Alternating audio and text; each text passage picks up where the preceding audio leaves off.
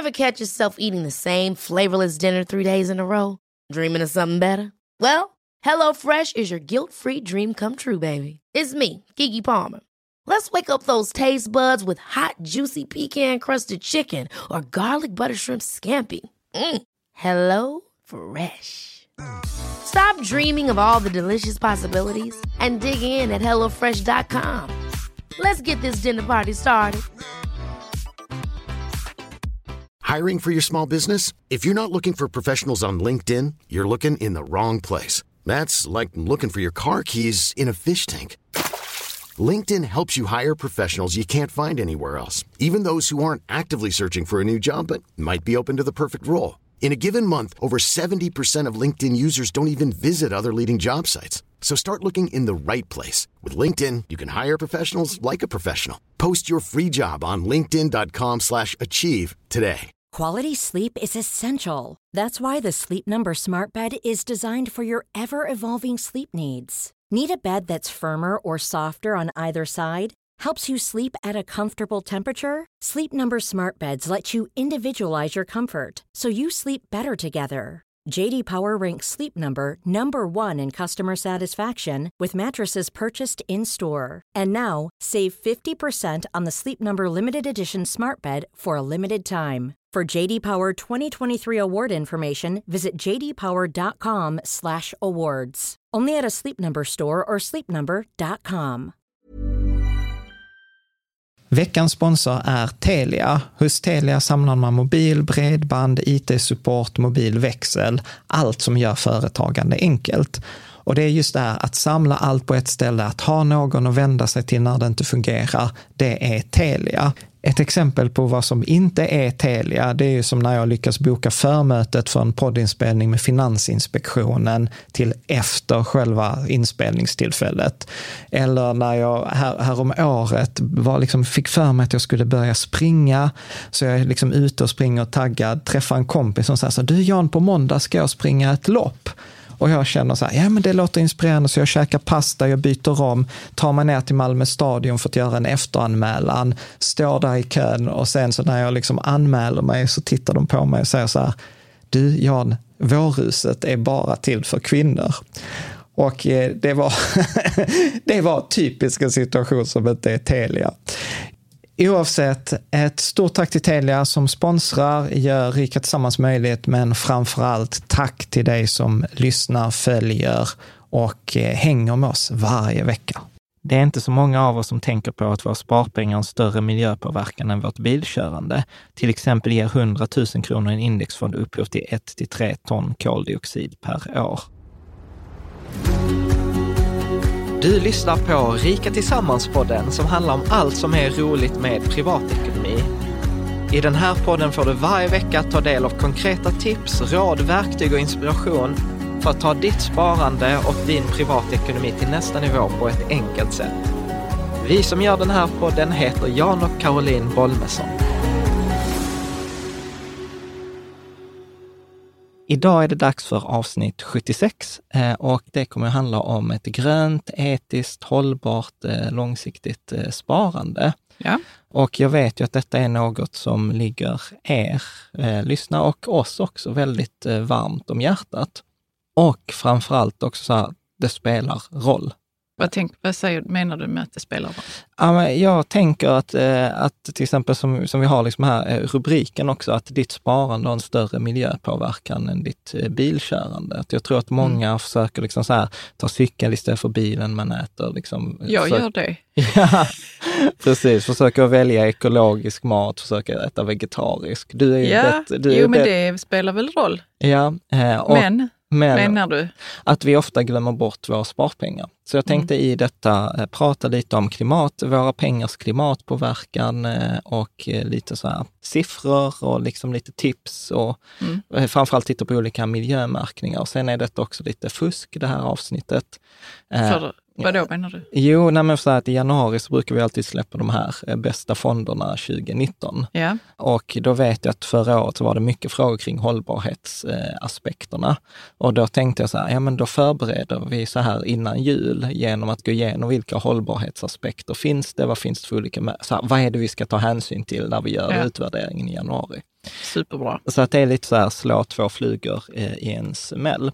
Så att om vi ska ta innehållet i dagens avsnitt så handlar det om så att vårt eh, sparande spelar roll. Eh, vi kommer att prata om lite olika typer av sparande och sen det här hur utvecklingen har gått i en väldigt positiv riktning från det traditionella sparandet till det etiska sparandet, till det hållbara sparandet, till egentligen någonting nu som man pratar om grönt sparande eller påverkanssparande eller impact eh, Eh, Jag kan ändå tänka mig att det är många kanske som inte har hört talas om de Abs- sista som du pratar om. Absolut. Alltså som så här, impact investing är ju något som när jag försökte spåra det här när jag gjorde research, det är liksom 2007 är det nämns det första gången.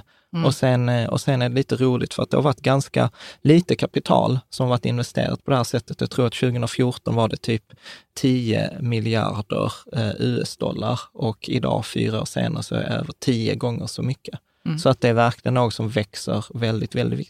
Framförallt ibland, detta är ju lite trist, för att ibland så vill man ju gärna känna att man är lite unik. Liksom att, eh, ja men så här, vet, ja men jag har kommit på detta först. Jag har kommit över det. Jag, Ja, och sen, och jag har sen, kommit och på sen, att jag är som de flesta människor faktiskt. Ja, precis. Och sen så läser man så här, ja detta med impact investing, det är framförallt väldigt stort bland då 70, 80 och 90-talister. Och så blir man så här, vad, vad tusan då? Är jag, är jag liksom så... Bara en i mängden. Vad är ni mängden? Ja. Men, men Men en i mängden, alltså I det- mängden i sig är viktig bra i detta, i detta avsnittet. Precis. Mm.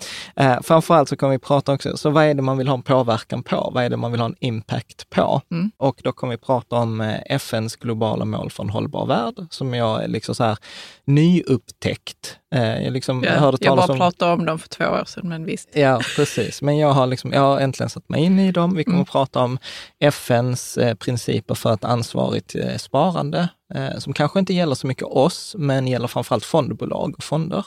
Som, eh, vad, vad, vad innebär de här principerna och hur kan vi småsparare ställa krav på våra fonder som säger, hallå, kära fond, vi gillar det ni gör, men vi vill att ni ska ta hänsyn till de här UNPRI principerna. Eh, vi kommer att prata om hållbarhetsmärkningar som är en djungel för fonder. Det finns en fem, sex st- olika eh, och de är helt olika. Eh, så det var liksom lite knökigt. Och sen så kommer jag också ge några sista överkursen i detta avsnittet är ju liksom att man kan faktiskt bypassa fonderna och låta sina pengar göra gott eh, direkt. Så Mm. att det tänker jag. Så det är innehållet. Och eh, för dig som, som är så här, bara lyssnar på den första delen, så här kommer då Den sammanfattningen. stora sammanfattningen. Ja, precis. Och där är det så här eh, att, eh, vi ska inte gå in på historia, jag ska bara ge fakta. Okej, så fakta här är att våra sparpengar har en miljöpåverkan. Väldigt olika beroende på vem man tittar på, men mellan 5 till 8 ton koldioxid för genomsnittliga svensken. Så eh, i relation till vår vanliga förbrukning av koldioxid genom boende, mat, konsumtion så är det ungefär 8 ton och lika mycket kommer via våra pensionspengar och våra sparpengar. Mm. Och innan så har det varit väldigt mycket två alternativ. Man har pratat om investerande eller välgörenhet eller filantropi. Eller om liksom så antingen gör man gott eller så tjänar man pengar. Det har Ja. varit liksom Det har varit uppdelat, ja. Ja, och nu så upplever jag att det är en väldigt tydlig trend att man vill kunna göra både och. Att man har Mm. verkligen upptäckt att det går att göra gott och tjäna pengar samtidigt. Det finns välutarbetade principer idag för etiskt hållbart sparande, eh, men det är väldigt olika. Det finns allt från det som man kallar för SRI, Sustainable, eh, nej, Social Responsible Investing. Det finns de här FN-PRI, Principles for Responsible Investing, eh, och det finns de 17 globala hållbarhetsmålen. Så det finns en massa så här eh, hållbart sparande-kriterier, ESG-kriterier. Så att många fonder har börjat redovisa dem, Eh, så att det är bra vi kan ställa krav på våra fondbolag. Och om jag skulle ge en generell tumregel som jag också har bekräftat med folk som är duktiga på det här, så säger de så här att fonder och investerare som säger att de tar hänsyn till eh, miljön, gör det ofta, är ofta bättre än de som inte säger att de gör det. Så att eh, det är någon så här generell tumregel, inte att man alltid ska ta vad folk säger vid face value, men, men har man liksom, pratar man om det så brukar man tycka att det är viktigare. Mm. Och sen så skulle jag säga att det finns två, de två viktigaste eh, märkningarna eh, för fonder. Det är svanenmärkt, så att idag finns det några få svanenmärkta fonder. Och sen så finns det att Morningstar, eh, som jag gillar jättemycket, har då också uppdaterat eh, sin hemsida. Okej. Så man kan se eh, så här, koldioxid, eh, alltså klimatpåverkan framförallt med koldioxid och hållbarhetsbetyg. Så att det är de två, men jag skulle bara säga två saker man ska titta på om man vill vara säker på ens fonder är bra. Så Svanenmärkning eller Morningstar-märkning. Och sen naturligtvis, sen finns det då överkursalternativ som till exempel Trine och andra. Bra, så att det, det är sammanfattningen helt enkelt. Så att eh, jag tänker att vi kör igång. Ja. Ja. Och eh, jag vet inte om detta är så här, som jag sa på när jag föreläste här om veckan, att om detta är någon slags så här 40-årskris. Att eh, jag börjar Du är väl inte 40? Nej, men snart. Om fem år? Nej, igen, 35 är jag, är 37. Ja, okej. Ja. Nej, men så här, vad, vad är det för en värld vi lämnar över till, till våra barn? Alltså Mm. vad är det vi, vi faktiskt gör? Och, och då kom det så här, du vet Klas-Erik, eh, gamla mentor, han pratar alltid om indianer. Han pratar så här Oren Lion, så att om man fattar ett beslut och man ska vara ansvarig så ska man tänka hur påverkar det den sjunde generationen eh, framåt? Eh, Ja, det är ju häftigt ju. Ja, men, Mm. och jag vet inte om det är sant att, eh, att indianerna funderade så, men, eh, men han sa det i alla fall och jag tyckte it makes sense, så Mm. jag gillade det. Mm. Men, men sen sa han också det här andra, att eh, liksom, vi har inte ärvt jorden av våra förfäder, utan vi lånar jorden av våra barn. Mm. Och jag gillar det tankesättet, att det är det är inte våra, det är inte vi som kommer behöva betala för att vi missköter vår planet, utan Nej. det är ju faktiskt eh, barnen.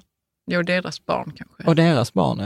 Mm. Och eh, här eh, har jag plockat fram lite sådana här, alltså klimatpåverkan. Det kom i den här IPCC-rapporten om eh, hur, hur spelar liksom klimatet eh, roll. Liksom. Och sen så har de gjort, eh, jag kommer lägga på bloggen en sån här eh, infografik som de gjorde. Man Så, kan kolla på här. Ja, men Mm. precis. Vad, vad är det som händer vid 1 plus 1 grad, 1,5, 2, 3,4, 5, Om 6? jordens temperatur stiger. Ja, Mm. precis. Och då pratar man ändå om två grader som någon slags safe limit. Men vid safe limit så pratar man ändå så här, Amsterdam kommer hamna under vatten. Vänta här nu, safe limit. Ja, Vad, då, vad, är det för, vad är det för någonting med safe limit? Det ja men det är att vi måste hålla oss under de här två gradernas Okej, vi måste hålla oss under de två graderna. Ja. Men om vi når dit ungefär så ligger Ja. Amsterdam under vatten. Ja, precis. Vi har ändå så här eh, havsförsurning där mycket liksom... Det måste ju vara jättemycket kring, eh, alltså att öar hamnar under vatten Ja, ja, också. ja. Det är ju många, precis, framförallt i Ni Stilla som havet. inte har varit på Maldiverna, ni kan... Ja, Wave it goodbye. ja, eller passa på att göra det innan. Mm. Ja, precis. Res dit med flyg, Res så att, så att du flyg. försurar liksom ännu för snabba på det. Nej, men till exempel så här, vid eh, Bangkok, New York pratar man om att liksom, översvämningar i nivå med knähöjd. Alltså det är inte liksom, o, orimligt. Eh, vi pratar om eh, liksom, att eh, vid två grader då smälter ändå 30 procent av isarna. Vid tre, fyra, då är det typ 60 40, 50, 60 procent av isarna. Eh, redan nu ser vi de här värmeböljorna. Vi pratar om liksom mycket mer eh, Det blir instabilt klimat. klimat Instabilt och- klimat, större liksom orkanstyrkor drabbar kanske Ja, inte oss alltså i jag, Sverige. jag, vi ska ju i och för sig inte gå in så mycket på miljön och så här i detta avsnittet, men jag tror inte man fattar liksom vad som händer när isarna smälter. Det är väl massa eh, sötvatten ja, ja, ja. i dem, så att det blir liksom märkligheter i havet. Ja, ja, precis. Det blir klimatet. Men du vet även sådana här grejer, att liksom, jag såg siffror på att vi har fiskat ut 50 procent av alla fiskar över 50 centimeter. Vi Mm. har, eh, Ja, och sen går man ner på de mindre Ja. och de är inte könsmogna heller. Ja, jag tycker det är förfärligt. ja, eh, vi Det är pratar liksom redan anledningen till att jag nästan inte äter fisk. ja, men pratar vi ändå där liksom vid safe limit på två grader, då pratar vi ändå så här 30 procent av alla arter riskerar att utrotas. Mm. Alltså så, här, så att det är ju ingen, det är ju Det ingen är ju inte, alltså det är inte som att allt är frid och fröjd Nej, vid de nej. två graderna, Nej, utan och- det är... Och det är precis, och det är många som, som är så skeptiska att vi ens klarar det. Mm. Men, men jag tänker ju liksom, detta ska ju inte vara något... Också säger man nu på det här Stockholm Resilience Center som, är, Ja. som forskar mycket på det, att det är nu vi har det lilla fönstret som Ja. vi kan påverka miljön nu Ja. och sen är det för sent. Jag vet Ja. inte hur många år man pratar om, för det är 10 eller 20 år Ja, eller något någonting sånt. sånt det är där. inte supermycket. Liksom. Nej, Nej. och, och det är väl därför jag tänker så här att eh, kan, kan vi bidra med liksom, eh, det, det lilla vi kan? Och då tänkte jag att eh, liksom, vi kommer prata lite om det vad Världsnaturfonden säger etc. Men någonting som jag insåg när jag gjorde research, att det var, jag var lite oväntat att detta skulle vara så kontroversiellt ämne. Eh, vilket A- a- Alltså, du vet, specifikt. Alltså det här med klimathotet, eller ta, bara så här fråga, hur mycket koldioxid släpper vi svenskar ut per person? ja. Alltså jag kan ju tycka att så här, alltså det där borde man ju kunna ta reda på med fakta. Alltså så här, det är ja, så man här borde kunna mycket. mäta upp. Ja. Liksom, Men alltså det är jättesvårt. Alltså det är för jätte, att det är ingen som... ja, alltså beroende på vem du pratar med så är det, alltså se- seriöst, jag, jag har hittat siffror på mellan 1,5 ton per svensk och eh, år till 15 ton. Det är rätt stor skillnad. Det, alltså det är en 10 potens skillnad. Mm. Och är det någonting de liksom var på oss på liksom LTH, så var det så här, liksom, gör, var inte en 10, alltså när du gör en uppskattning, var inte en 10 potens fel. Alltså vi, Mm, för det är för mycket. det är för mycket. Vi skulle Ja. alltid vara inom rätt 10 procent. Och här är man så här 1,5 till 15 ton. Och, och grejen är så att det beror på massa olika saker. Det beror på om man eh, räknar med till exempel skogen i Sverige. Vi har ju jättemycket skog och det är en enorm kolsänka, alltså att det, det binder koldioxid. Men då, är, då har ju de som vill vara alarmistiska, eller liksom vill poäng... då? Nej, då, då, räknar, då, då räknar man bort hela liksom Jo, fast- skogspåverkan. Fast jag kan fatta att man räknar bort det, för det handlar ju om hur mycket vi släpper ut per person, Ja. bara utan alla andra faktorer väl? Ja, men du, man kan ju inte, det är ju som att säga så här, ja men eh, alltså du vet, vår ekonomi är för jävla, alltså du vet, vi gör ju av med tiotals tusen varje månad. Eh, Och sen så bara, ja men vi tar, vi tar inte hänsyn till inkomsterna. Hänger du med? Ja, jo, okej, ja, jag fattar. Ja. Jo, jag fattar också hur man räknar där. Ja, precis. Så, så att, eh, och sen, sen mm. beror det på om man, till exempel man pratar om att vi har en skitig import, Ja. liksom mycket vår konsumtion, men man tar nästan aldrig hänsyn till att vår export är extremt ren. Mm. i, i förhållande till andra länder. Så att det, det beror på, och liksom ve- verkligen, pratar man med eh, Världsnaturfonden eller pratar man med Naturvårdsverket eller är det SCB eller är det Ekonomifakta? Alla redovisar olika siffror. Så detta var, detta var faktiskt ett litet eh, Var det kaos. jobbigt? Ja, det, var lite, det, var, det var lite jobbigt att göra research och framförallt så insåg jag så här, att jag har, det, detta har jag inga belägg för. Nej. Men jag upplever att Naturvårdsverket inte var så objektiva som jag önskar att de skulle vara. Nej. Utan att det, det kände... skulle man ändå kunna tro att de var ju. jag det fattar att. Världsnaturfonden eh, liksom vill göra en grej. Ja, de av har en det. agenda De ju. har en agenda. Det, Mm. det, det är helt okej. Vi behöver folk som driver sina agendor. Men att, eh, att det skulle vara klurigt med Naturvårdsverket, det, det, trodde, Mm. det trodde jag inte. Men i alla fall, jag tänker så här, för detta avsnittets eh, skull, där vi har inget att tjäna på säga 1,5 ton per person, utan låt oss utgå från den högre gränsen, Okej. tänker jag. Att Ja. vi låter oss utgå från de där 15 eh, procent. Och för en gångs skull så har jag gjort så här, Caroline, jag har källor på allt.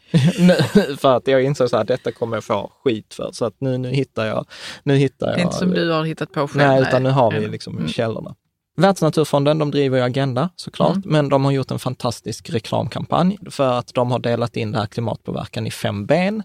Eh, inte B, alltså B som bokstaven B. Ja. Och då säger de så här att det handlar om bilen, då resor och transporter, det handlar om biffen, alltså köttkonsumtionen har en stor påverkan. Mm. Finns ju den där dokumentären vi såg, vad heter den? Cowspiracy. Cowspiracy, precis. Killen som Han hade också en agenda, men det var lite jobbigt att säga. Ja, att men det den var, den var fantastisk. Jag kommer Nej. aldrig glömma starten på den filmen. Han sa, äh, du vet, jag försöker vara så klimatvänlig som möjligt. Det vill säga, jag duschar 30 sekunder och liksom jag bara cyklar och sånt. Och sen visade det sig att när han åt en hamburgare till lunch så var det helt meningslöst. Det han hade ja, gjort, Det ja. han hade gjort. Eh, jättebra, men lite alarmistisk. Mm. Eh, bostaden, energianvändning framför allt. Börsen, då sparandet, det vi kommer att prata om i detta avsnittet. Så vi Ja. kommer att hoppa de där vegetariska grejerna. Och eh, sen konsumtionen har en Mm. jättestor eh, Butiken. påverkan. Där Precis, som butiken. B, sista B. Ja. Så att nu behöver man också ta detta med en, eh, man behöver ha i, vad heter det, åtanke att de siffrorna jag kommer presentera nu, de kommer från Världsnaturfonden. Ja. Så att de driver ju Agenda, de har finansierat studien, det är inte de som har gjort det utan det är PWC. Mm. alltså Price Waterhouse Coopers. Och sen har denna rapporten ett par år på nacken. Så att Ja. förmodligen, så att det är mest tror jag för att få en känsla för eh, liksom vad det handlar om. Och eh, enligt då den här rapporten från Price Waterhouse Coopers så hade vi svenskar 2012 investerade ungefär 4 000 miljarder kronor. Det är vad vi har liksom i, i pensioner, på börsen, i företag, fonder, alltså allt. allt. 4 000 miljarder kronor. 4 000 miljarder kronor. Och då 2012 när man räknade detta så gav de här 4 000 miljarderna eh, upphov till cirka 53 miljoner ton eh, koldioxid. Vilket var i princip samma förbrukning som vi hade på de där andra, bilen, biffen, bostaden eh, och konsumtionen. Så våra spar... Alltså sammantaget de andra benen. Ja, Mm. så att vi hade liksom 53 miljoner ton koldioxid från, eh, från vårt leverne och sen 50, Ja, okej. och sen Mm, eh, jag 58 eh, miljoner, nej förlåt, eh, 53, jo precis, 53 miljoner ton koldioxid från sparpengarna och 58 miljoner ton koldioxid från vårt andra leverne. Så att det var liksom i princip eh, samma. Mm. Så att räknar man om detta lite per person, och detta var också jättekonstigt, för när man tänker så här, när vi räknar om detta per person, så är det vissa som räknar om det på hela befolkningen, på 10 miljoner. Andra räknar om det på bara de 6,7 miljonerna svenskar som har ett pensionssparande. Så att, så att till och med där blir liksom siffrorna konstiga. Men Mm. jag, jag tänkte så här, att eh, om vi räknar på att eh, det är 6 miljoner eller 6 ton per person och eh, då har vi liksom en förbrukning på 6 ton på det ena och 6 ton på våra sparpengar. Sen är ju det också ett genomsnitt, det är inte medianer, så det finns ju massa människor som inte har några sparpengar och sen finns det många människor som har jättemycket sparpengar. Så Mm, man behöver så. Men om man då jämförde det med bilkörningen för två- 2016, alltså den privata bilkörningen, så var den en 12 miljoner ton, så det motsvarar alltså 1,2 ton per person. Så att jag tänker att, eh, att slutsatsen man kan dra från detta är ju att, att vårt sparande har minst, minst som minst lika mycket påverkan på koldioxid som vårt bilkörande. Ja. Sen om faktorn är fem eller fyra eller dubbelt, det känner jag så här, skitsamma. Det, det spelar roll, våra sparpengar eh, spelar roll. Och sen så finns det faktiskt eh, eh massa andra sådana här rapporter. Eh, en från Swedwatch, som är en sån här svensk organisation som gör massa granskningar. De gjorde en rapport som hette Blir guldet till sand? Jag vet inte, jag tänkte på Peter Jöback. Men det är väl bara min, min Nej, det tror jag att många kan associera. Ja, och då har de tittat på, så okej, så om du investerar 100 000 kronor i olika index på olika börser, så hur mycket koldioxid ger 100 000 kronor upphov till? Ja. Och då visade det sig återigen, vi i Sverige är ganska duktiga. Så 100 000 investerat i svenska index, alltså då 6RX eller det vi brukar prata om, ger upphov till ungefär 0,7 ton eh, koldioxid. Investerar man i då globalt, alltså en global indexfond, så pratar vi ungefär 2,8 ton. Och de som tydligen var värst på den här listan, där man jämförde Sverige, Schweiz, Storbritannien, Finland, Tyskland, det var tyskarna var värst med 6,2 ton koldioxid per 100 000 kronor. Så, att, eh, liksom, så då, får, då kan man få en känsla, jag tror att genomsnittet låg någonstans kring, kring om man minns, kommer ihåg, 3 ton koldioxid per 100 000 kronor man har Okej. investerat. Och, eh, hur är själva liksom kopplingen här nu mellan pengarna och koldioxid? Alltså att man har investerat sina pengar i I för, precis. fonder eller Ja, precis. företag precis. som... Ja, men jättebra. Så hur det hänger ihop är ju att vi investerar pengar i fonder. Fonderna Mm. köper aktier i företag och de här företagen har en klimatpåverkan. Mm. Vissa har en direkt klimatpåverkan, alltså som skitiga företag som släpper ut avgaser, alltså Mm. rakt upp. Men sen finns det ju energiföretag, alltså som bränner kol. Det finns, och här är det också lite olika hur man räknar. Till exempel Världsnaturfonden räknar med bundna reserver i marken. Så man säger så här, okej, du äger aktier i ett företag som äger kol, men de har inte brutit kolen utan kolen är i marken och det kommer ha negativ miljöpåverkan. Så att då räknar man liksom i genomsnitt, så hur mycket påverkar de här 100 000 kronorna direkt och indirekt klimatet? Och så finns det metoder för att räkna på, på det. Mm. Men det tänkte jag, det behöver inte gå in på i, i detalj. Nej. Men, Nej. men, det, men det, man, har, man, man försöker hitta det här standardiserade sättet. Men om man vill liksom komma ihåg någon tumregel, så det jag tog med mig var så här, tre ton per 100 000 kronor. Ja. Det är ganska eh, rimligt och sen blev jag ganska positivt överraskad att vi i Sverige är ganska duktiga. Mm. Så att eh, om vi då liksom tittar man på det här och sammanfattar, återigen här nu per svensk, alltså hur mycket påverkar vi? Återigen, beroende på vem du lyssnar på. Nu har jag valt eh, Världsnaturfondens siffror för att de är högst. Och då tänker jag så här, okej, okay, låt oss sätta det värsta och sen kan vi bli positivt överraskade om det är mindre. Mm. Men då tänker man att bilen är ungefär eh, då 3 ton eh, per år, eh, biffen 2,5 ton per år. Bilen då, då var det alla transporter, inte bara det egna bilkörandet, utan alla alltså transporter. Som flyg och... Ja, precis. Mm. Precis. Både inrikes och utrikestransporter. Så förlåt, så bilen 3 ton, biffen 2,5 ton, bostaden 4,5 ton, börsen 7, runt 7-8 ton. Och sen butiken hittar jag inga siffror på, så det får vara frågetecken. Liksom. Vad var nu butiken? Konsumtionen. Ja, konsumtionen. konsumtionen. Mm. Men eh, där är också allt från 1 till 10 ton. Så svårt. Men i alla fall, så vad jag påstår här är ju att vi kan liksom inte bortse från den här klimatpåverkan som våra sparpengar har. Alltså mm. att börsen, oavsett hur du räknar, så påverkar våra sparpengar klimatet. Mm tänker jag. Så att eh, det är, liksom, jag har använt detta uttrycket ganska mycket innan utan att ha kollat upp det. Eh, och det var ju Vilket där, uttryck då? Nej, att vårt sparande har en större miljöpåverkan än vårt bilkörande. Men var hade du fått det ifrån? Ja, men jag var lyssnade, jag hörde det så här från någon som hade varit på en eh, föreläsning, jag tror Elisabeth, vår kompis, mm. hade hört det på en föreläsning tillsammans med några andra och sen så har jag snutt det. Men nu har jag liksom verkligen kollat upp det i, mm. i siffror. Mm. Så om vi fortsätter. Så då tänkte jag titta på den här, att vi tittar på den här utvecklingen liksom från traditionellt sparande. Och sen så tänker jag eh, till påverkansbarn och sen tänker jag att vi bryter, eh, vi bryter ner dem. Mm. Så det, det, traditionella sparandet, det är ju det som vi har haft i, i alla år. Att vi liksom investerar, vi köper de här indexfonderna, vi köper alla företag. Men köper man alla företag så får man ju med ganska mycket skit också. Alltså vi får ju med de där tobaksföretagen, vapenindustri, energibolagen etc. Så då kom det för några år sedan så började man prata om det här eh, med etiskt sparande, eller så SRI-direktiven, då Socially Responsible Investing. Och eh, den första, liksom så här, när jag backtrackade detta, så såg jag att typ, det var på, tror 1962, eh, första direktiven kom och då var det FN som föreslog att man skulle införa sanktioner mot Sydafrika. Mm. För de höll ju på med den här apartheid-regimen. Liksom, mm. Och, men sen dröjde, jag tror det var från 1962 till 1977, innan den första liksom, fonderna eh, började implementera det och mm. man började sätta press med de här ekonomiska sanktionerna. Så att man kan säga att det var, fröet såddes redan liksom för 40 år sedan. Men sen de senaste åren har det verkligen utvecklats och det handlar mycket om att exkludera, exkludera dåliga saker. Typ yeah. do no Precis, harm.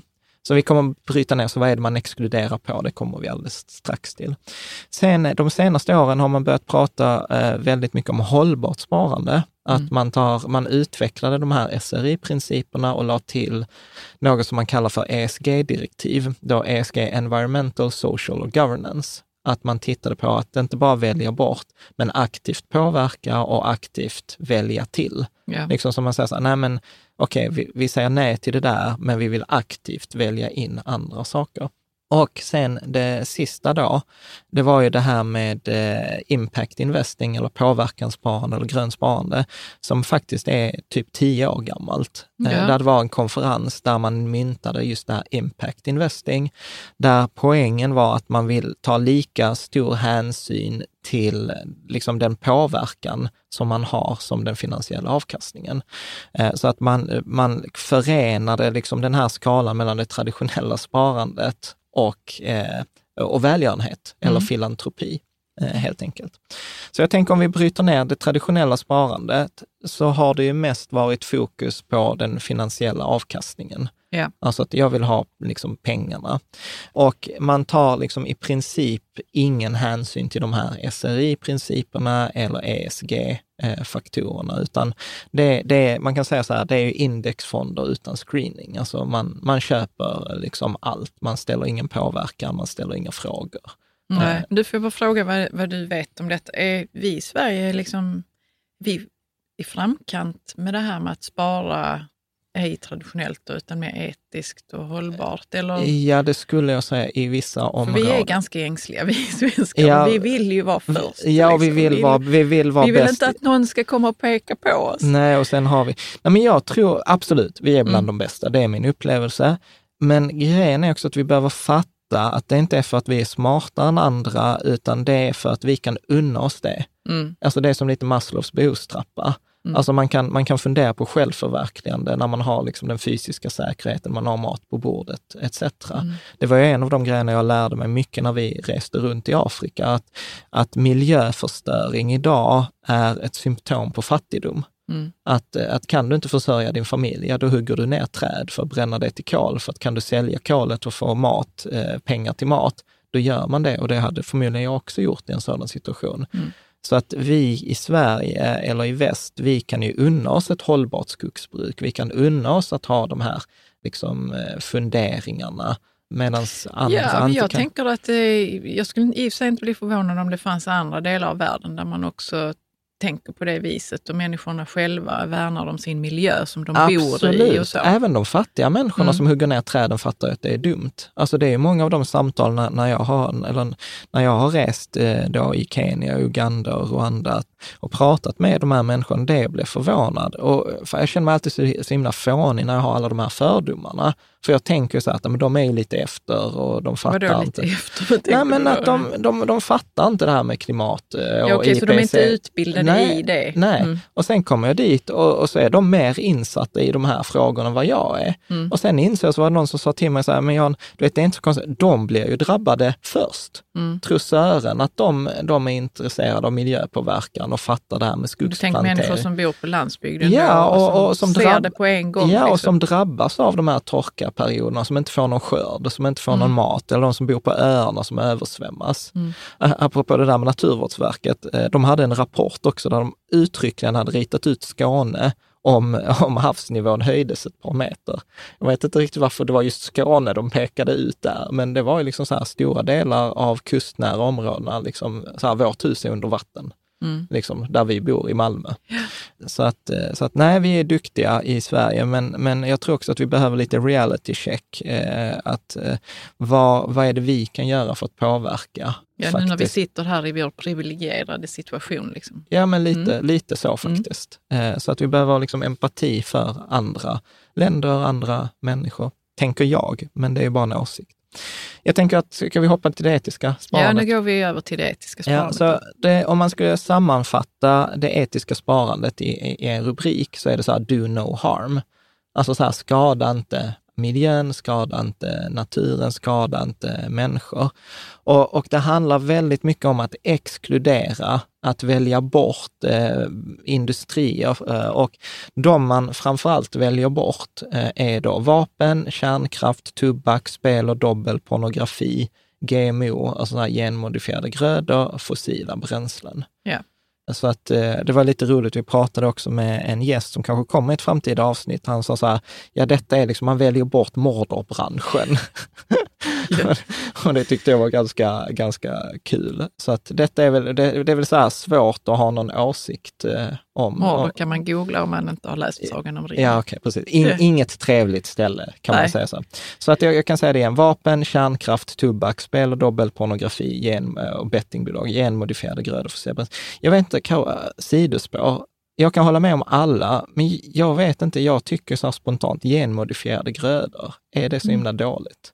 Jo, men det är, ja, man pratar mycket om det, att om man genmodifierar en gröda Ja, för att den ska få bättre överlevnadskraft liksom, ja, eh, och stå bättre emot, eh, ja, vad det nu kan vara, köld till Ja.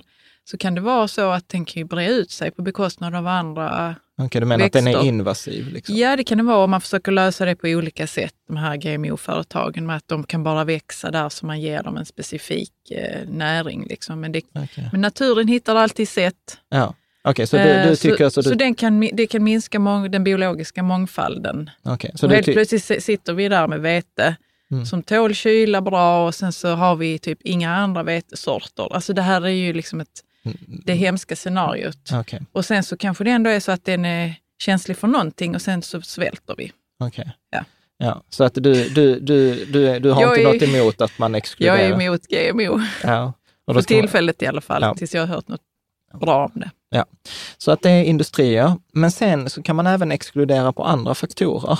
Och det man kan exkludera på är till exempel så affärsetik. Mm. Eh, det vill säga, så här, vad, vad är skattepolicyn? Det här vi pratade om i något avsnitt. Vad var det? Starbucks som inte betalade en krona i skatt i Storbritannien eller så här. Men de, ja. Eh, det kan vara så här monopol, att man, tar, eh, man konkurrerar ut andra företag på oschyssta sätt, eh, korruption etc. Man kan också ta hänsyn till bolagsstyrning, till exempel hur tar man hänsyn till eh, minoritetsägare, vad har man för policies gentemot de anställda, eh, sociala faktorer som till exempel facklig anslutning, är det tillåtet att organisera sig, vad är arbetsmiljö etc. Så, att, så man exkluderar helt enkelt. Och eh, när jag googlade och liksom satt och gjorde research på det här så hittade jag ingen gemensam definition. Alltså vad är liksom, finns det så här, om vi kommer in sen på FNs eh, principer för ansvarigt investerande, då har man sex principer. Detta Ja. är de. Det finns inga så här listade SRI-principer, utan det är verkligen så här do no harm. Däremot hittar jag schweiziska, Schweiz eh, har någon som de kallar för Ethos-fonden, Mm. som är liksom en sammanslutning av alla schweiziska pensionsbolag. Och de hade en fantastisk policy. Det var så att man blev nästan lite tårögd när man Jag berätta, läste. berätta. Nej, men de, de skrev om så varför de exkluderade de här branscherna, de här faktorerna, så det är därför jag har stulit de här sakerna. Och, och det var verkligen så här, det var lättläst, man fattade det och man kände så här, men så här vill jag att mina pengar ska Kan du inte lägga en länk till Jag det så man lägger- kan få läsa det? Jag lägger Mm. en länk till schweiziska Ethos eh, Mm. Fund. Eh, Så det var, det var jätte... En parentes där, i Sverige, så den som har bäst sådana som den här Ethos Fund, det är svenska Sådana vadå? Alltså eh, principer. Ja, Mm. Som många följer, så är det Svenska kyrkan. Mm. Så Ja, Svenska jag är inte kyrkan... förvånad. Nej, svensk... Var, varför inte det? Jag bara ta en parentes här. Ja. Jag tycker att Svenska kyrkan ändå gör ett bra arbete. Speciellt när, med människor som eh, liksom behöver stöd på något vis eller mår dåligt och, så, och tar ett ansvar i samhället på det sättet som de kan. Ja. Ja? Så att, Jag förstår att många tycker att religion är av ondo, men jag tycker att modern religion är inte av ondo. nej, men så att, Vad eh, ville du säga om Svenska kyrkan? Nej, där? men att de- deras principer är jättebra. Många fonder, vet jag, många Mm. fondförvaltare jag har pratat med, de säger så här, liksom flera har sagt så här, men kolla Svenska kyrkans principer, de är, de är men, jättebra. vänta, vad kan, alltså, hur Jag blandar de sig in i det här med men de har jättemycket kapital. sparande? Ja, okej. de, ja. har, de har jättemycket Jag glömde kapital. Kyrkan, det är så här, älskling liksom, historia. Ja, jag, jag, jag vet det, men Ja. jag glömde det. Ja, Ja. Nej, så att de, och de har, de har ju verkligen, eh, det syns att de har tröskat de här principerna. Ja, det skulle ju vara märkligt om de satt och investerade i grejer som de inte själva hade en aning om. Hur det liksom, ja, i morderbranschen. Ja, det är bra att de har gjort det arbetet. Ja, alltså. så jag lägger länk till det Mm. också. Tittar vi på hållbart sparande, så om etiskt sparande var do no harm, så är detta så här best in class. Mm. Eh, så man väljer liksom de som är bäst. Man tittar mycket då på eh, då de här ESG, alltså Environmental Social Governance. Så den miljömässiga hänsynen är ju att man tittar på klimatförändring, hur bidrar företagen man investerar pengar i klimatförändringen, till kärnkraft, alltså energibranschen, hållbarhet, biologisk mångfald, rent vatten, ozonlagret, eh, det här GMO som du var inne på. Eh, Men man tittar också på så här soci- sociomiljömässiga konflikter. Det var första gången jag hörde Socio, sociomiljömässiga konflikter. Alltså till exempel man säger så här, i framtiden kommer det bli konflikter kring brist på vatten, Mm. till exempel. Och eh, då kommer man ju behöva liksom ta hänsyn till det. Så bidrar detta företaget till att det blir bättre eller sämre Mm. i det området. Eh, man tittar då på social hänsyn, eh, mångfald, eh, mänskliga rättigheter, konsumentskydd, djurrättsfrågor, schyssta arbetsvillkor. Alltså allt som handlas. Så att man kan säga att det här etiska ESG är en del av SRI. Så det är inte SRI eller ESG, utan det är SRI är paraplyet och en del av det handlar om ESG. Och sen också samma sak som vi var inne på innan, bolagsstyrningen. Alltså till exempel ledningsstyrelsestruktur, har man jämställda styrelser? Har man mångfald i styrelsen? Vad är anställningsvillkoren? Eh, vad ger man för ersättning till, till vd och styrelse och de anställda? Vad har man för policies? Lobbar man? Lobbar man på ett oschysst sätt? Eh, betalar man skatt? Ja, massa andra sådana här faktorer. Så att, eh, Det är rätt mycket. Ja, det är rätt mycket eh, faktiskt. Och, och jag gillar detta. Jag gillar också det. Att, Man att tänkte igenom. man har tänkt igenom detta precis.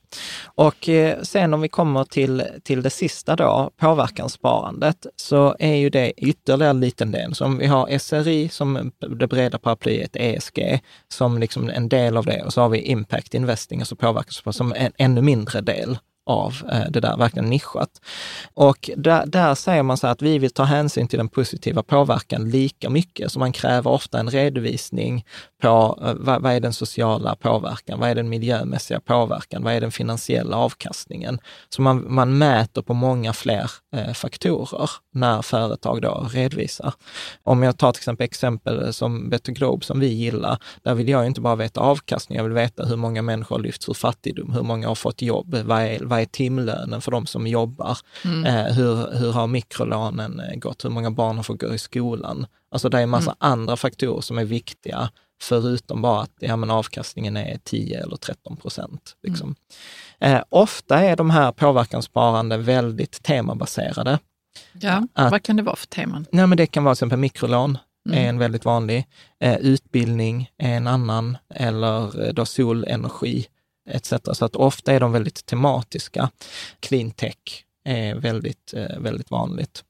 Cleantech är ju då eh, vindkraft till exempel. Till va? exempel, eller åter, åter, vi har ju Klimon eh, som är ett sånt här företag som har jättemycket reklam just nu. Som Ja, vad åter- sysslar de med? Och jag vet inte om, exakt, men om jag förstår Men det, det rätt så är eh, återvinning av, då, ja, ja, återvinning av spillvärme.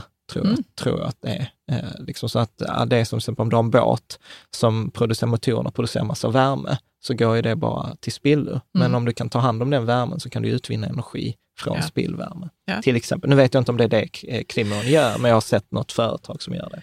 Ja. Eh, Man kombinerar ofta det bästa från välgörenhet med det bästa från det finansiella. Och det är ju då också som sagt väldigt populärt hos vår generation. Så att eh, här vill jag känna mig lite unik och så insåg jag så här, nej, jag är inte unik utan eh, tvärtom. Eh, Det är många i vår generation som tycker detta är viktigt och det är bra. Millennials pratar man mycket om. Man pratar mycket om så next generation, alltså alla de här stora släkterna som har mycket pengar, de har ju ofta då barn i vår ålder som börjar liksom ta i de här frågorna. Detta vet jag också, har jag hört från sådana här family office eh, som, som förvaltar förmögna släkters pengar, att detta är, blir viktigare och viktigare. Mm. Och det, det positiva här är ju att det har varit en tiofaldig ökning mellan 2014 till 2018. Så detta Tiofaldig ökning i... i, i mängden investerat kapital. Mm. Så att det, det, liksom, det växer väldigt, väldigt eh, fort. Mm. Alltså det tio, Vem var det som sa det, att man hade lika bra eller bättre avkastning i eh, det här etiska sparandet? ja, det var när vi pratade med, precis, det var när vi pratade med The Fair Finance. Ja, Eh, Men det finns massa undersökningar på det där. ja. Eh, Men, men det som jag gillar jättemycket med det här är att vi, vi står inte längre i att det är antingen pengar eller påverkan, Nej. utan, eh, utan nu kan man liksom ta hänsyn, men jag vill ha liksom en miljömässig påverkan, jag vill ha en social påverkan med mina pengar, jag vill ha en finansiell påverkan. Och då tänker jag också att en, en fråga som jag ställde mig när jag började med det här, okay, så vad, vad, vad är det jag vill påverka? Eh, och då tänker jag istället för att hitta på något själv, Mm. eh, så kan man faktiskt titta på de här globala målen för en hållbar värld eller för en hållbar utveckling som FN har tagit fram. Och då är det ju FN UNDP, UN Development Program, som har tagit fram 17 mål. Och, Och vad kan det vara för några mål? Ja, men det är ju allt från exempel utrota fattigdom eh, till att utrota hunger, till säkerställa välbefinnande, hälsa, god utbildning för alla, uppnå jämställdhet, rent vatten, sanitet, eh, hållbar energi, tillväxt, schyssta arbetsvillkor, infrastruktur, hållbar och eh, infrastrukturindustri, minskad ojämlikhet mellan länder och inom länder, eh, hållbara städer och samhällen pratar man ju väldigt mycket nu. Indien, det var, såg vi inte i den här eh, serien, världens sämsta indier. Med David Batra? Ja, där Mm. de pratade mycket indierna om att bygga hållbara städer Mm. direkt från början. Handlar om hållbar konsumtion och produktion. Eh, där från eh, grav, vad är det man pratar, från vagga till grav. mm. hela livscykelanalyserna. Bekämpa klimatförändringar, hav och marina resurser, ekosystem, biologisk mångfald, eh, fredliga och inkluderande samhällen och sen globalt partnerskap. Mm. Och du vet, så här, när, när, man tittar på det här så tänker jag så här, alltså detta låter ju schysst. Mm. Detta, detta vill jag vara med och, och påverka, detta vill jag vara med och, och bidra till. Mm. Vad tänker du? Jag tänker samma. Det hade ju varit trist man hade känt så, nej det är helt, alltså Precis, det här med rent vatten, off. det är inte min grej. Liksom. Eller Vi har jäm... rent vatten. Ja, eller precis, eller jämställdhet. Mm. Eh, ja. Mm. Och, det, och detta är ju då, liksom, det, och de här målen har ju ingenting med finans att göra överhuvudtaget, utan detta är de målen som FN har satt upp, att vi behöver liksom som mänsklighet bör mm. jobba eh, mot. Alltså jag kan ändå bli så här, att nu lägger jag en värdering, men att jag tycker att det är fint. Att det är någon som jo, tar sig den här tiden. Jag tror vi är väldigt drivna, vi människor, av större mål och visioner. Det är bara det att vi har inte så många nu för tiden. Nej. Och när det kommer det här så kan man både bli upplyft och, och liksom entusiastisk och, och positiv. Ja. Och samtidigt kan man bli lite nedslagen. Ja. Just också för att vi ser så mycket från vår omvärld. Vi mm. får ju väldigt mycket från nyheterna om hur dåligt allting är. Mm. Men det är, allting är inte så dåligt. Nej, nej, det så det gäller inte. att hålla fast vid den här optimistiska känslan. Ja, ja men precis, så tänker jag. Och, och där är det också att FN har då gått ut och skapat någonting som heter så här PRI, Principles for Responsible Investment. Och det som är häftigt med de här PRI är ju att det är så här av investerare för investerare. Nu är inte detta för småsparare, utan detta är för stora fondbolag och banker. Så att det är ganska stökigt att läsa kan jag säga. Men, men om man tar principerna från den högsta nivån, mm. så tänker jag så att det är ändå bra för oss att veta vad det är. För då kan vi ställa krav på våra fonder, att säga till dem att vi vill att ni tar hänsyn till PRI-direktiven eller till, till de här principerna.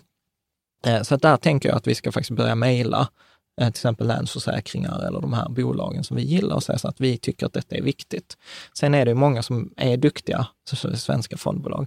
Men då säger liksom de här principerna att den första är att man som fond eller bank ska beakta miljömässiga, sociala och ägarstyrningsaspekter, de här ESG, i sina investeringsanalyser och beslutsprocesser. Så att innan man väljer in ett företag så ska man ta hänsyn till ESG.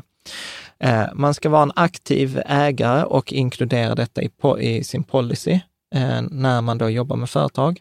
Man ska eftersträva att portföljbolagen rapporterar i de här ESG-frågorna så att eh, man som fond eller som investerare kan gå in och läsa, okej, okay, så hur jobbar då till exempel Holmen eh, mm. i de här ESG-frågorna? Arbeta för att PRI accepteras och implementeras av andra aktörer, så man ska sprida detta i, inom sin bransch. Man vill också samarbeta med andra så att inte bara marknadsför utan samarbeta med andra så att det blir en gemensam standard. Och sen på årsbasis rapportera till oss kunder, hur går arbetet med de här eh, ansvarsfrågorna? Ja. Så att jag tycker det är så här, verkar inga orimliga krav, Nej, om, om man ska vara så.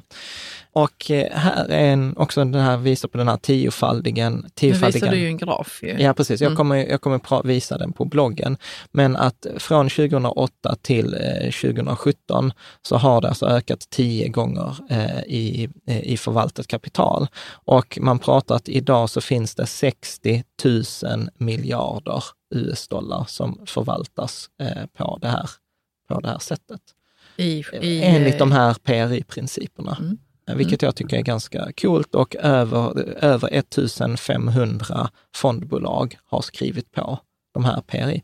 Och där kan vara också en, en att kolla den här loggan, UNPRI-loggan, för den dyker upp ibland i sådana här fondbolags presentationer. Är det liksom, jag kan tänka mig att, att det finns både, bolag kan vara både liksom eh, inspirerade och vill göra det här arbetet och sen kan mm. det väl också vara så att man kan känna sig tvingad Absolut. Att, att, det finns människor som, som inte vill investera i de här bolagen. Ja. Eller alltså det har ju varit, det har ju varit... Man har inget val liksom egentligen. Exakt, det har ju varit en vanlig så här, eh, påverk, eh, liksom banken säger, ja men det finns inget intresse för det här. och, och, det är ju bullshit. Och, och, där finns det ju massa organisationer som till exempel Fair Finance som mm. jobbar för att påverka, precis som det finns Fair Trade så finns mm. Fair Finance som jobbar för att påverka i den riktningen. Så att där är det verkligen som oss konsumentmakt, att vi kan mejla och till våra fondbolag, vi kan mejla till eh, våra banker och så säga så att detta är viktigt för oss. Mm. Vi vill Visa att, att intresset ja, finns. Precis. Och jag ska bara göra ett sidospår här också, för jag får ibland frågan så här, varför inte välgörenhet? Alltså varför Mm. pratar vi om att påverka världen genom sparpengar? Mm. Och jag skulle säga att det är några, några anledningar. Alltså exkluderar det välgörenhet? Alltså, man kan ju, man, Nej, men jag tycker... nu när jag, vi har så mycket pengar så kan vi väl göra gott med dem då ju. Absolut, men jag, jag, jag skulle säga att det är två grejer med Mm. välgörenhet. Man har, det, och det var också när jag pratade med så här, eh, vicepresidenten i Kenya för många år sedan, så var också så här, han var så här, nej vi vill inte ha bistånd, vi vill ha eh, handel. Alltså Mm. vi, vill, vi vill ha investeringar så att vi kan försörja oss sj- själva. Och, det hänger lite ihop med min sån här också, lär hellre människor att fiska än att ge dem fisk. Ja. Och, jag hittade det här citatet av Martin Luther King som sa så här att det är bra med välgörenhet, men vi, vi kan inte glömma att vad var det som gjorde att välgörenheten krävdes i första läget? Att vi måste titta på de bakomliggande faktorerna. Ja. Och eh, en sån grej när jag var nere i Kenya 2017 så för att undersöka Trine, det här Göteborgsbolaget som finansierar solpaneler, så pratade jag med deras grundare, Kristoffer eh, Falsén, och han var också finanschef. Eh, och då sa han så här att de har gjort en undersökning tillsammans med Diffid, brittiska motsvarigheten till Sida, eh, och där de kom fram till att en investerad kommersiell krona har upp till 37 gånger så stor påverkan som en välgörenhetskrona. Så att på- 37 gånger större, större påverkan. Mm. än en välgörenhetskrona. Så, så att jag säger inte att man ska sluta med välgörenhet, men jag tycker att man ska skilja på katastrofhjälp, alltså det Rädda, Rädda Barnen eller Rädda Läkare, Läkare utan gränser gör, för det behövs. Men det är inte samma sak som att det är inte det som kommer göra att vi får minska klimathotet, eller det är inte Nej. det som kommer göra Nej. eh, att människor lyfter sig ur fattigdom eh, Mm. på, på lång sikt. Ja, men jag tror att det handlar om, eh, så som vi var inne på innan, att fonder, till exempel investerare som säger att de tar hänsyn till de här ESG-direktiven, brukar ha en bättre miljöpåverkan eh, än de som inte gör det. Och inte Mm. bara miljöpåverkan, Mm. utan social och eh, bolagsstyrningspåverkan också. Så att i dagsläget så kan man väl använda det som en sån här tum, eh, tumregel. Och jag tänker också att det man kan göra det är ju att titta på de här eh, märkningarna. Alltså när man tittar på till exempel fonder. Så en av de eh, märkningar som jag gillar det är den här PRI-märkningen och den, deras sån här logga med eh, blå fyrkant och PRI. Så Mm. då kan man liksom kolla, då vet man vad det betyder. Eh, Så att det är en märkning. Det andra är ju att Morningstar, som jag gillar jättemycket, som vi använder för att utvärdera fonder, de har en märkning med planeter. Mm. Ju fler planeter, desto bättre. Dock behöver man vara medveten om en eh, grej där och det är ju att de rankar per bransch. Mm. Så att eh, är du ett bolag, är du det bästa bolaget i morderbranschen, Så eh, får du så fem. får du fem planeter. Mm. Liksom, för att du är, du är bäst av de sämsta. Typ. Medan ett annat, till exempel i cleantech-branschen, så kan du ha fyra g- planeter. Men du liksom är ändå hästlängder bättre än den som har fem planeter, bara för att de jämfördes med andra oljebolag. Ja. Så att eh, man behöver titta, där är det liksom svårt, för man behöver både titta på antalet planeter och vilken bransch det är man jämför med. Men eh, cred till Morningstar som eh, bara nu, bara för någon månad sedan, har börjat med eh, att ta, ta klimatpåverkan. De har en sån här koldioxidmätare. Så där kan man då precis se hur mycket eh, släpper denna ut eh, i förhållande till de pengarna som är investerade etc. Så att det kommer vi ta Den ser hänsyn till. annorlunda ut, den lilla märkningen. va? Nej, det, nej, de har både planeter, men sen har de en koldioxidmätare Ja. på den fonden och så har de liksom, vad är de bästa så då i kan denna man få ka- en uppfattning. Ja, vad är de bästa i Mm. denna kategorin? Vad är de sämsta i denna kategorin? Var Mm. ligger den här fonden? Vad är genomsnittet? Och, så mäter de då på sånt här index eh, 0 till 100. Så att det var, det var så här jättepositiv överraskning, för det hade jag missat. Mm. Sen har vi precis börjat med det här med svanenmärkta eh, fonder i Sverige. Det är något helt nytt. Och eh, tittar man då på kraven som Svanenmärkningen sätter, det är att de måste avstå eh, helt från investeringar i vissa branscher då, som är då problematiska. Man måste göra ordentliga hållbarhetsanalyser och prioritera bland företag, alltså allt det här vi pratat om med ESG. Man ska prata om vilka aktier som finns i fonden, de ska kunna rapportera och man vill också stimulera fonden till ett aktivt ägande eh, till att man vill påverka gentemot liksom, de här företagen som man har. Jag tror att i dagsläget, då, november 2018, så är det kanske 20 fonder som är svanenmärkta. Ja, det var så, inte många. Så det har precis börjat. Mm. Eh, liksom. Men jag tänker på det här med mat och kläder, tycker jag är så himla lätt numera att se eh, vilka som eh, vilka man ska välja liksom, Mm. för att få så, min, så lite påverkan på klimatet som möjligt. Om jag köper kläder till exempel så finns det någon sån GOTS, där det, man vet så här, det är, det är hållbart från början till slut. Liksom. Det hade Så det kommer, ja men det är för att jag köper bebiskläder. Ja. Och så tänker jag så, det måste ju vara samma med i liksom, eh, den här eh, börsbranschen, att eh, det blir lättare och lättare för oss att Absolut. hitta rätt. ja, och det är därför För det, det är bara en tidsfråga. Absolut, och det är Mm. därför svanenmärkning är jättebra. Mm. Eh, Morningstars, planeterna är bra. Eh, Följer de UNPRI-principerna, jättebra. Men, men då behöver man liksom ha hört talas om de här. Så, Mm. ja, detta man är, måste det. så att detta är väl liksom, som jag aldrig hört talas om, vad sa du, GOTS? Ja. Eh, Ja. ja. Du får prata om det i ett annat avsnitt, Ja, vi men- har inte så mycket tid. Jo, men det är precis så. Man måste sätta sig in i det, men sen vet man. Mm. Ja. Sen vet man vad man ska kolla efter. Ja, Mm. precis. Eh, sen är det en märkning till eh, som heter Swesif, eh, då Svenska fondföreningen eh, liksom gjort samarbete med alla fonderna där man rapporterar på ett enhetligt sätt. Dock bör man vara, vara noga med att detta inte är en certifiering eller märkning, utan detta är bara liksom ett sätt att, att rapportera sin miljöpåverkan. Att investerar man i vapen, investerar man i tobak etc. så är det liksom typ en checklista och denna hittar man på hållbarhetsprofilen.se. Och den lanserades också bara för några veckor sedan. Så detta vi pratar om, är, alltså det händer just nu. Det händer jättemycket. Och det tycker jag är Mm. ganska coolt.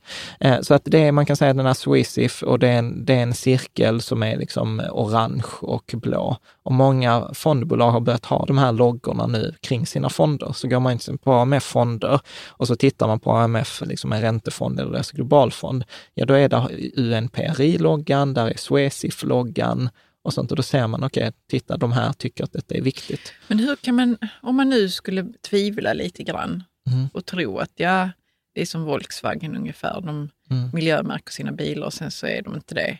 Ja. Alltså hur kan man, kan man kolla det själv på något vis, att det verkligen är så som de Ja. säger? Då, då måste man gå på en tredje part. Då ska man ju till exempel inte kolla på hållbarhetsprofilen, där Nej. de rapporterar själva, utan då måste man kolla på Morningstar eller Svanen är märkt, alltså en tredje För part. de har gjort För sin de research. Mm. ja, precis. Och sen så finns det en sista för utländska fonder, alltså Svanen gör ju mycket svenska fonder, då finns det något som heter Climetrics, eh, climetrics.com, eh, som då ger betyg 1 till 5 löv. Och då baserar de det på innehaven och då kan man vara säker på att en fond med många löv, då de, den har en låg klimatpåverkan, den har en bra transparens, de påverkar den här energiomställningen etc. Så att de har inte så mycket svenska fonder, men de har mycket utländska fonder. Så att jag skulle säga så här, Svanenmärkning, Morningstar, eh, Climetrics, hållbarhetsprofilen. Det är liksom där man kan börja sin research. Och detta är ju det vi kommer använda när vi kommer gå igenom de här bästa fonderna Mm, så vi 2019. kommer inte ta några andra fonder än... Nej, vi kommer ta andra fonder också, men vi kommer ta hänsyn till det här och ge ett grönt Det alternativ. etiska och hållbara. Ja, Mm. precis. Och, och så försöka redovisa så hur tänker de här fonderna, liksom, för de är ju olika duktiga. Mm. Så, att, eh, så att där skulle jag verkligen säga så här, om du inte prenumererar på Youtube-kanalen eller podden eller på vårt nyhetsbrev, anmäl dig då riketsammans.se nyhetsbrev för att vi kommer liksom ta den här hänsynen, vi kommer göra det här eh, jobbet. Och jag ser lite så här med skräckblandad förtjusning fram emot det, för att det, det är mycket jobb. Ta, eh, ta julen till detta. Ja, det blev ingen resa i januari i år för, som vi gjorde förra året. Det var dumt. Eh, men om jag ska ge några fondtips redan nu så kan man säga SPPs plusfonder är bra. De rekommenderar. Ur detta perspektivet Ja, ja, du? precis. Ur ett miljömässigt och- mm. hållbarhets ESG-direktiv. Så SPP, eh, fondbolaget där, de har vissa eh, plusfonder. Eh, Länsförsäkringar har en fond som heter Fossil Smart. Eh, Swedbank har då Robur Etica eh, fonder som är då bra. Dyra är de dock, så att det, det är därför jag inte är så här, oh, eh, Mm. hoppar av förtjusning. För ofta Okej. är de här 0,7, 1, 1,4 procent i avgift. Ja, det är för mycket. Ja, eh, så att eh, det är, inte, det är inte helt fantastiskt. En, en eh, eh, fond, Exakt Sverige, svensk indexfond. Och om man vill ha då räntefonder så finns det nu något som heter SEB Green Bond, alltså gröna obligationfonder. SPP har en sådan fond också. Mm. Så att det finns några alternativ. De är lite dyrare helt enkelt, men, men det, det finns. Om vi tittar på överkurs, som jag brukar säga så att man kan låta sina pengar göra nytta direkt man bypassar hela fonderna och så ja. gör man sin egen grej. Då vill jag vara noga med att detta är hög risk, hög avkastning, du kan förlora hela pengarna och eh, framförallt de här två första som jag kommer nämna har vi samarbete med och då tjänar vi pengar om du väljer dem. Så att det är bra vett så blir det så full transparens. Eh, och de två alternativ som vi har lagt mest pengar i, vi har lagt över långt över 100 000 i respektive, det är ju Trine Göteborgsbolaget eh, där man finansierar solpaneler i, i projekt i Afrika. Man får ungefär 6,5 procents eh, avkastning och jag har till och med varit nere i Afrika, sett ett av deras projekt, liksom, där jag intervjuat det bönderna. var i, i Kenya? Eller? I Kenya 2017 mm. och då kan man läsa mer på rikatillsammans.se trine de hatar mm. när man säger Trine, men eh, det är så det stavas.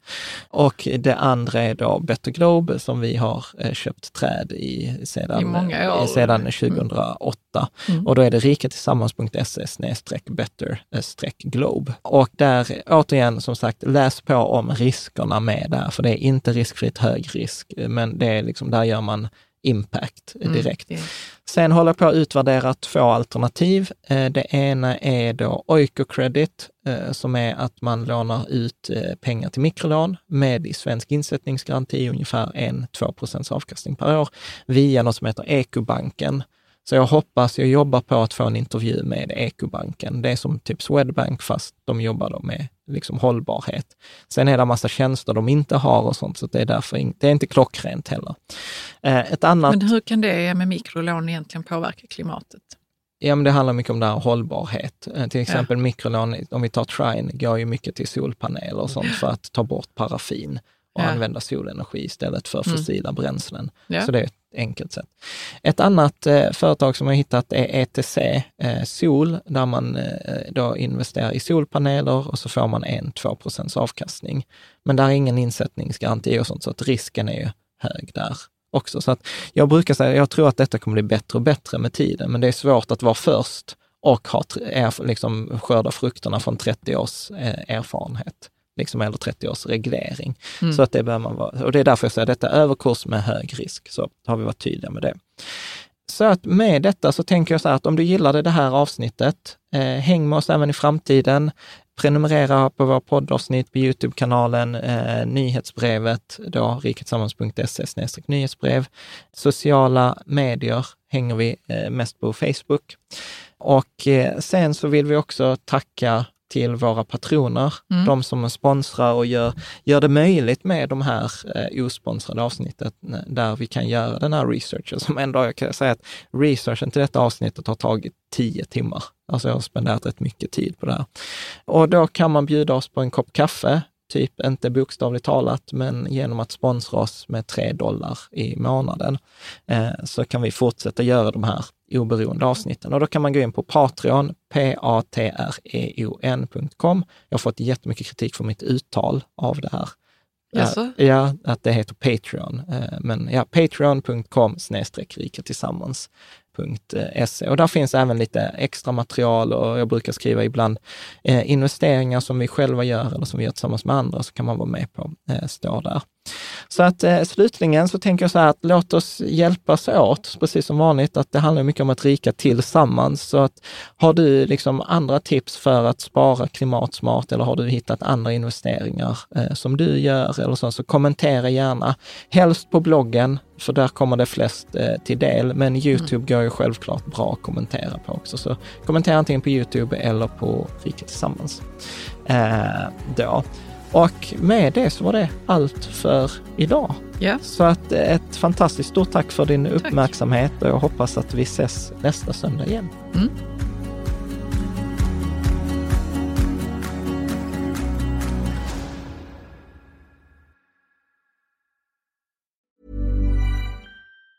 Have catch yourself eating the same flavorless dinner three days in a row? Dreaming of something better? Well, hello fresh is your guilt free dream come true baby. It's me, Gigi Palmer. Let's wake up those taste buds with hot, juicy pecan crusted chicken or garlic butter shrimp scampi. Mm. Hello Fresh. Stop dreaming of all the delicious possibilities and dig in at HelloFresh.com. Let's get this dinner party started.